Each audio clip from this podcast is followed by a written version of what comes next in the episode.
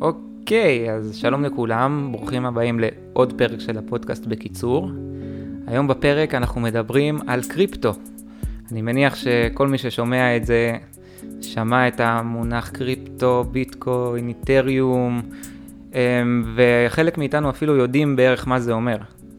היום בפרק אני אנסה ליישר קו ולייצר לנו איזה, לצייר איזה תמונה כללית כזאת של מה זה אומר ביטקוין ואיך זה עובד המסחר במטבעות קריפטו בכללי, ככה שלכולנו תהיה תמונה כללית אבל ברורה של מה זה קריפטו. ובאמת אחרי שתהיה לנו את התמונה הזאת, אז אנחנו נדבר על מה ההשפעה של הקריפטו על הכלכלה העולמית, וגם ננסה להבין מה צופן העתיד למטבעות הדיגיטליים. טוב, אז מכל המידע שמצאתי באינטרנט, סיכמתי הכל אה, ככה למשפט אחד, שלדעתי, מי שמבין את המשפט הזה, הוא יודע מה זה קריפטו. והמשפט הולך ככה, קריפטו הוא מטבע דיגיטלי שעובר בין ארנקים דיגיטליים באמצעות טכנולוגיית בלוקצ'יין. אוקיי, אז יש פה שלושה מונחים, מטבע דיגיטלי, ארנק דיגיטלי וטכנולוגיית בלוקצ'יין.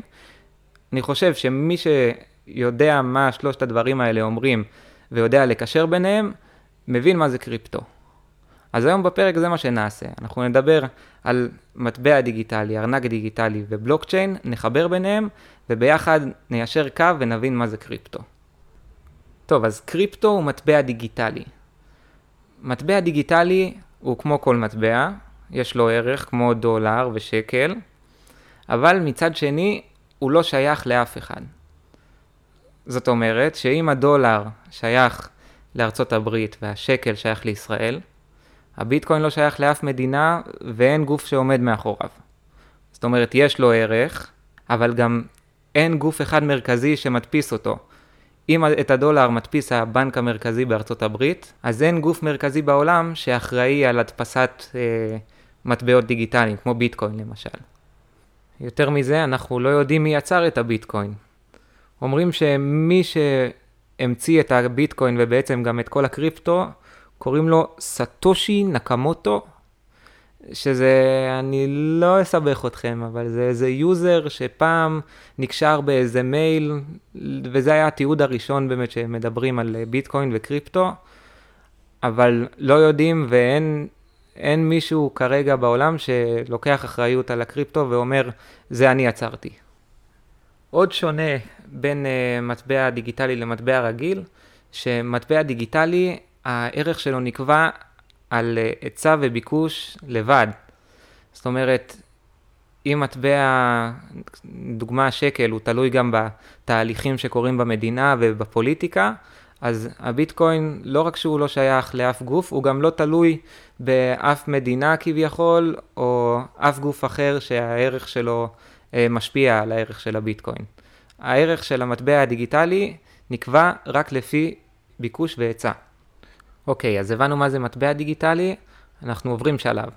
כדי להחזיק במטבע הדיגיטלי הזה, אנחנו צריכים ארנק דיגיטלי. הארנק הזה, כמו כל העסק של הביטקוין והקריפטו, אין לו אבא ואימא. זאת אומרת, הארנק לא רשום על שם אף אדם שמחזיק בו. הארנק הוא סוג של ישות, ישות נפרדת מהבן אדם שמחזיק בו, הוא מעין כתובת בטכנולוגיה הזאת שתכף ניגע בה, שאליה אפשר להעביר את המטבעות הדיגיטליים ולהוציא אותו מהם. כשניגשים לפתוח ארנק דיגיטלי, אז מקבלים שני מפתחות, מפתח ציבורי ומפתח פרטי. המפתח הציבורי זה הכתובת שאליה הם עוברים המטבעות הדיגיטליים, והמפתח הפרטי הוא סוג של סיסמה שרק איתה אפשר להוציא מטבעות דיגיטליים מהארנק. אז אם לסכם ככה בקצרה, ארנק דיגיטלי זאת מעין איזה כתובת כזאת ברשת שאליה אפשר להעביר את המטבעות הדיגיטליים. המפתח הציבורי הוא הכתובת הזאת, והמפתח הפרטי הוא הסיסמה לכניסה לכתובת. אז עכשיו אנחנו יודעים מה זה מטבע דיגיטלי ומה זה ארנק דיגיטלי. עכשיו אה, נלמד הטכנולוגיה את הבלוקצ'יין, שהיא בעצם גורמת למטבעות הדיגיטליים לעבור בין הארנקים. וזה גם החלק הכי קשה, אבל אנחנו נצליח להבין מה זה אומר. ככה במשפט אחד, בלוקצ'יין היא טכנולוגיה להעברת כספים ללא צד שלישי. בשביל להבין את המשפט הזה, אנחנו נשתמש בדוגמה הכי פשוטה עם uh, כסף רגיל. בשביל להעביר היום כסף, אם אני רוצה לקנות גלידה, יש לי דרך אחת לעשות את זה ללא תיווך, וזה מזומן. כל הדרכים האחרות הן באמצעות צד שלישי.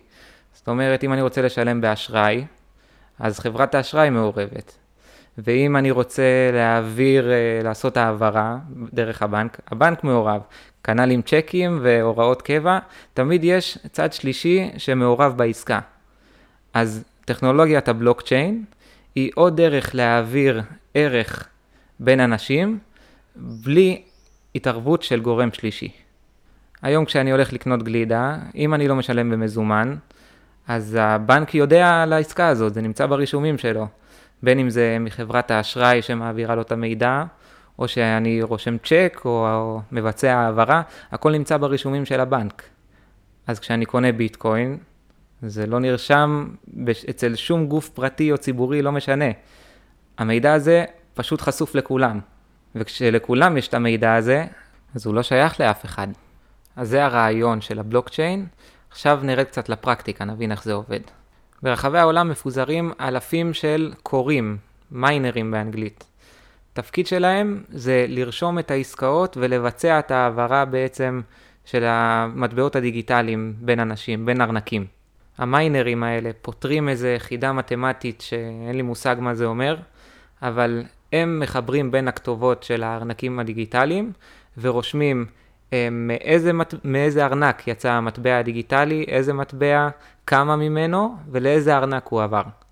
כל העברה כזאת היא בעצם שורה אחת, כשכמה שורות כאלה, כמה העברות, הן מהוות בלוק. ככה בלוק ועוד בלוק ועוד בלוק, עד שנוצרת לנו שרשרת של בלוקים, בלוקצ'יין. רגע, אבל מה יוצא לקוראים האלה בעצם מהרישום של העסקאות? אז המיינרים האלה מקבלים חלקיק מהמטבע הזה שהם העבירו, מעין עמלה כזאת. וזה בעצם מה שמדרבן אותם לרשום עוד ועוד עסקאות. ככה בעצם נוצר לנו כמו מעגל קסמים כזה שיש אנשים שעובדים בשביל המטבעות הדיגיטליים, בלי בעצם להיות מועסקים אצל אף אחד. אוקיי, אז דיברנו על מטבע דיגיטלי, ארנק דיגיטלי ועל הבלוקצ'יין. יש מצב שהבנו מה זה קריפטו? מי שהבין, אני שמח מאוד. מי שלא הבין, קודם כל אני מצטער, אבל הוא מוזמן לפתוח, יש uh, סרטונים בעברית ביוטיוב שמסבירים את זה גם טוב ואפילו יותר טוב ממני. אז אחרי שהבנו מה זה קריפטו, השלב הבא זה לדעת תכלס איך קונים מטבע. אני לא אעשה פרסומת לאף אחד, למרות שאני מאוד אשמח אם מישהו רוצה לשלם לי, אבל עד שזה יקרה, אז אני לא אעשה פרסומת, ואני אגיד שיש uh, מדריכים בעברית מאוד מפורטים על איך קונים ודרך איזה אפליקציות ופלטפורמות. אתם מוזמנים לחפש בגוגל, יש שם את כל המידע שצריך. במקום זה אני אתן שני טיפים שמבחינתי הם ממש חשובים כשקונים מטבע דיגיטלי. הראשון, המפתח הפרטי הזה שדיברנו עליו, אתם זוכרים, הסיסמה הזאת, כשמקבלים אותה, כשפותחים אה, ארנק דיגיטלי, חשוב מאוד לרשום על דף את הסיסמה הזאת, זה רצף של מילים, שאם מאבדים אותו, מאבדים את כל הכסף בעצם. אז אני ממליץ מאוד, כשפותחים את הארנק, לרשום את הרצף של המילים הזה, ולשים אותו במקום שאתם זוכרים איפה הוא, ואתם יודעים לגשת אליו מתי שתצטרכו. הטיפ השני זה לוודא טוב טוב שאתם אה, נכנסים לאפליקציה מוכרת עם אה, רמת אבטחה מאוד גבוהה. כי האפליקציות האלה שומרות את המפתח הפרטי או הציבורי הזה, ואם המערכות שלהם נפרצות, אפשר לקבל את כל המידע הזה ולהיכנס לארנקים שלכם. אז uh, שימו לב שאתם עושים את זה באפליקציה מוכרת ואמינה. טוב, אז זה היה החלק העיקרי של הפרק. Um, עכשיו, כמו שהבטחתי, נדבר קצת uh, על אקטואליה ועל השפעה של uh, קריפטו על הכלכלה בעולם.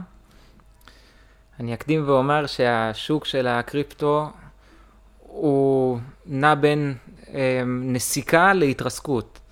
זאת אומרת, כל הזמן הגרפים עולים ויורדים בתנועות מאוד מאוד חדות, שכמו שאמרנו בהתחלה זה קשור להיצע וביקוש נטו, וזה גם התוצאה של מטבע שאין לו אבא ואימא בעצם. כשיש ירידה ומשקיעים בורחים, אז המטבע הדיגיטלי מתרסק, ופתאום שיש איזושהי עלייה קטנה, זה יכול לגרום לעלייה של מאות אחוזים תוך כמה ימים, וזה קורה. אני יכול להגיד שנכון להיום, שוק הקריפטו בכללי איבד 50% מהערך שלו תוך uh, חודשיים בערך. הטריק הוא שזה לא פעם ראשונה שזה קורה. זה קרה כבר כמה פעמים, והמשקיעים במטבעות האלה כבר uh, מורגלים לעניין הזה, ולא בורחים כל כך מהר. זאת אומרת, כולם מבינים בעולם שהקריפטו לא זז לשום מקום, ולהפך, זה לא בועה שעומדת להתפוצץ בכל רגע, זה יכול להיות העתיד של הכלכלה. אם עד לפני שנה בערך, רוב מדינות העולם התעלמו מהקריפטו וחיכו שהטירוף הזה פשוט ייעלם, הרבה מדינות בעולם מתחילות להבין שהקריפטו כאן כדי להישאר. אנחנו לא יודעים באיזה מתכונת או איך זה הולך להיראות, אבל נראה שהבסיס הזה של הקריפטו הוא צעד אחד לעבר כלכלה שונה לגמרי ממה שהתרגלנו לראות עד היום. והיופי הוא שאף אחד לא יודע איך השינוי הזה הולך להיראות. טוב, אז עוד פרק אה, ככה מסתיים לו. אני מזכיר לכם אה, לעקוב אחרינו באינסטגרם, לדבר איתנו, להציע לנו רעיונות, ונתראה בפרק הבא, להתראות.